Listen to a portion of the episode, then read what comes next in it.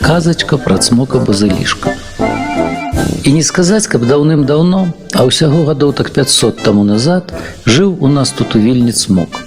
Зваўся базылішкам калісьці іх гэтых цмокаў шмат вадзілася але з часам застаўся толькі адзін пазылішак астатнія хто загінуў а хто ўцёк. Уцякалі цмокі хто куды адныя далёка за мора і ці яны там ацалелі ніякага знаку няма. Іншыя ўцякалі ў другі бок у дрыву у палескія балоты Дарэмна казаў базылішак. Яны і там вас дастануць, балоты асушаць і дастануць.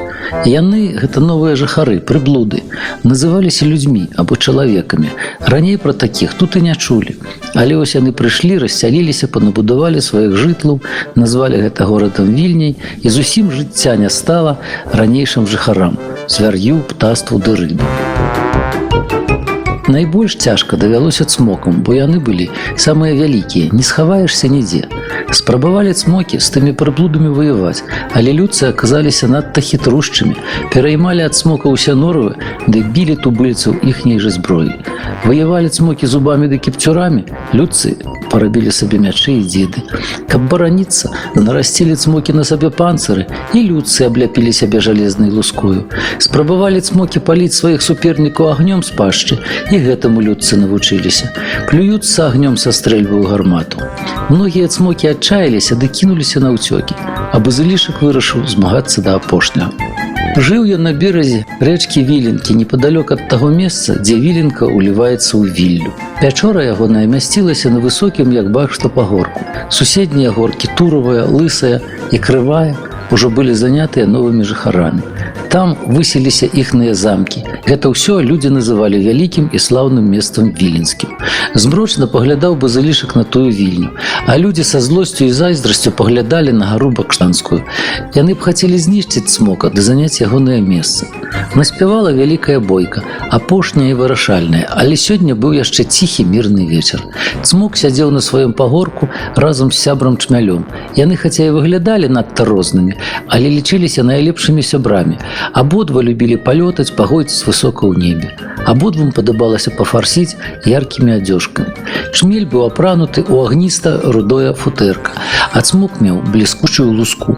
На сонцы тая лусказе хацела усімі колерамі вясёлкі, а пры месяцовым святле блішчэла жывым срэбрам.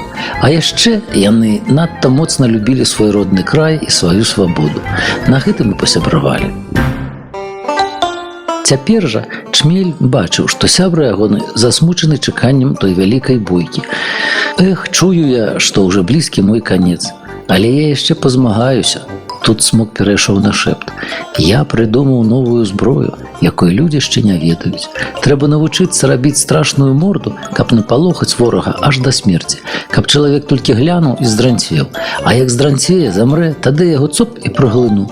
Ну а калі мне давядзецца страціць галаву, дык і тады гэты фокус з мордай спатрэбіцца. Запомняць мяне так, што і дзеці і ўнукі будуць баяцца, але пакуль у мяне такой жудаснай морды не выходзіць. Я улужаную погляджуся, смех адзіна не морда. Дык вось успомніў пра ваўка. Усе ж баяцца ягонага ваўчынага пагляду, а сёння паклікаў яго да сябе. Хай навучыць. Яго словы перарваў шалёны парыў ветру. У завыла віхура. О які ветер здзівіўся чмель. Не, гэта не ветер, гэта мой госць, адказаў цмок. Угу, гэта я. Каля цмокавай пячоры явіўся воўк. Здароў, браце, сказаў цмок госцю. Як пажываеш? Здароўце, землякі, якое там жыццё стары стаў, зубы скрышыліся, няма як нават зайца за вуха укусіць. Дык гэта не беда, давай я табе новыя зубы ўстаўлю, залаты. Ведаеш, колькі ў мяне таго золата ё. Я ж гэтых людцаў немало пажэр, а яны моднікі паначапляюць на сябе залатыя цацкі, як злаўлю чалавека. Мяса ды костачкі з'ем, а золатца сплюну і воколькі набралася. Давай, раз'яўляй пашчу, а ты чмель стаў ваўку новыя зубы. І ў момант яны ўляпілі ваўку і справа і злева залатыя іклы. Воўка шчэрыўся, зазірнуў лужыну, спадабалася. Ну што ж, прыгожа, чым магу вам аддзячыць? Можаш, браце, можаш, я рыхтуюся да бойкі з людзьмі і трэба мне навучыцца крывіць страшную морду, каб ад аднаго майго пагляду яны змярцвелі. Воўк пасядзеў, падумаў, тады ашчэрыўся. Ты можа здзівішся, Але я не буду вучыць, як трэба вылупіць вочы ці высалапіць язык. Я навучу цябе, як трэба ўсміхацца. Уяві сабе нашыя пушчы, дзе пасцяцца незлічоныя статкі такіх смачных касулі аленяў. Вусны цмока пачалі расплывацца ў сытай задаволенай усмешцы.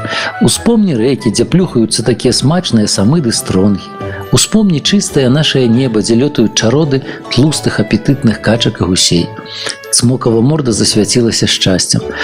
А вось на пагорку, каля тваей пячоры сядзіш ты, гаспадар усяго гэтага багацця. А вось побач твае яйкі, вялікія і гладкія. Там усярэдзіне нешта пачало грукацца, пэнкнула шкарлупіна і з твайго цмокавага базылішкавага яйка вылупіўся чалавечак. Што морду цмока перакасіла. Вочы ягоныя бліснулі з такой злосцю і гневам, што спапялілі б на месцы кожнага. Воўк абачліва скочыў і схаваўся ў цмокаву пячору і ўжо адтуль прамовіў: Вось з такой мордай і выходь на сваіх ворагаў. Як ты і хацеў, я цябе навучыў.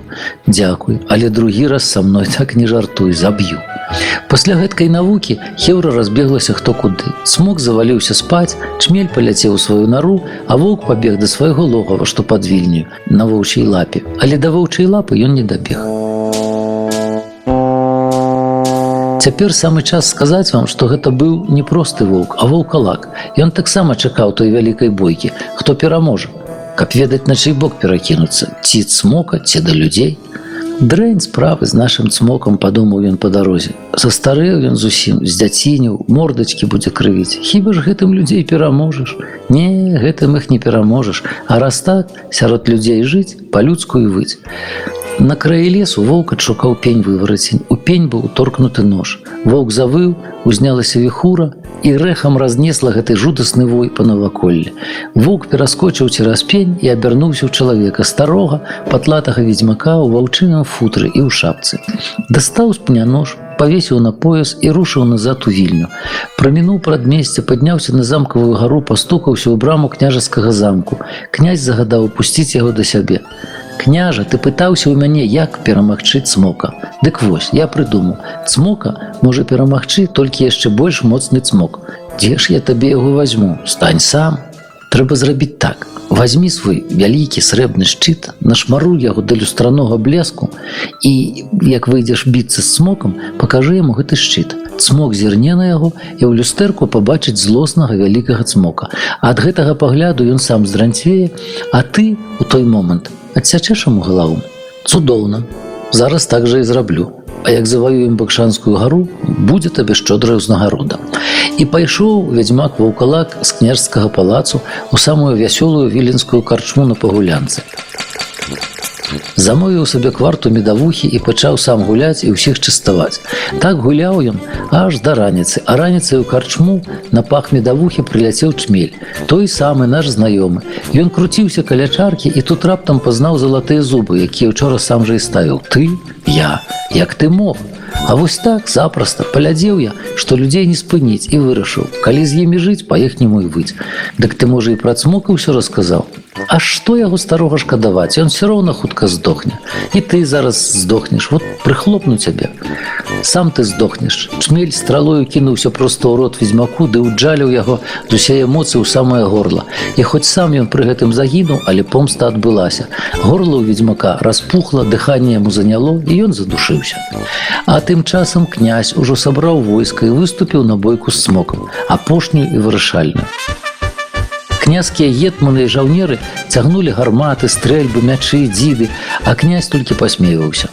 І ён жа меў яшчэ больш магутную сакрэтную зброю, вялікі пукаты, нацёрты да люстранога бляску шчыт. І як толькі падышлі яны да базылішкавай гары, князь па-геройску рвануўся наперад. Заспаны цмок, пачуўшы нейкі грукат і лязгат на двары, высунуўся з пячоры, а князь яму тыц і падсунуў под самы нос шчыт люстэрка і ўбачыў наш цмок сваё адлюстраванне. Паколькі шчыт быў пукаты, то адлюстраванне выйшла скажонае, страшэнна смешнае. Ад нечаканасці цмок зарагатаў, ды так моцна зайшоўся смехам, што сэрца яго не вытрывала. Яркай вясёлкаю узляцела на неба цмокава душа і пасялілася на вялікае аблачэнне. З таго часу толькі аблокі на небе паказваюць нам, якія цмокі даўней вадзіліся на зямлі. А князь тады радасна закрычаў: перамога, горад наш, цяпер мы разбудуем наше место шырока-шырока. Даю загад, каб усе на вільню камяні цігалі. Тут ён убачыў пад нагамі гладкія шэрыя камяні, што ляжалі каля цмокавай пячоры. Як тыя яйкі ў гняздзе. Ухапіў одно яйка, падняў высока-высока і абвясціў: Во гэты камень я ўмурую ў сцяну новага замку, а гэты ў сцяну новага палацу, а гэты ў сцяну касцёл. Эпілог. Кажуць, што гэта толькі казка, але вучоныя знайшлі некалькі фактаў. На бакшанскай гары, дзе была базылішкава пячора, сёння месціцца музей. І месціцца ён не абыдзе, а ў падзямеллі, якое цалкам магло быць калісьці цмокавай пячоры. Пра гэта месца і пра цмокаў, якія тут вадзіліся, і сёння яшчэ старыя веленчукі расказваюць жудасныя легенды. Каля падножжа замкавай гары археолагі знайшлі скамянелыя шкарлупіны вялізнага яйка. З такіх яйкаў даўней вылупляліся цмокі.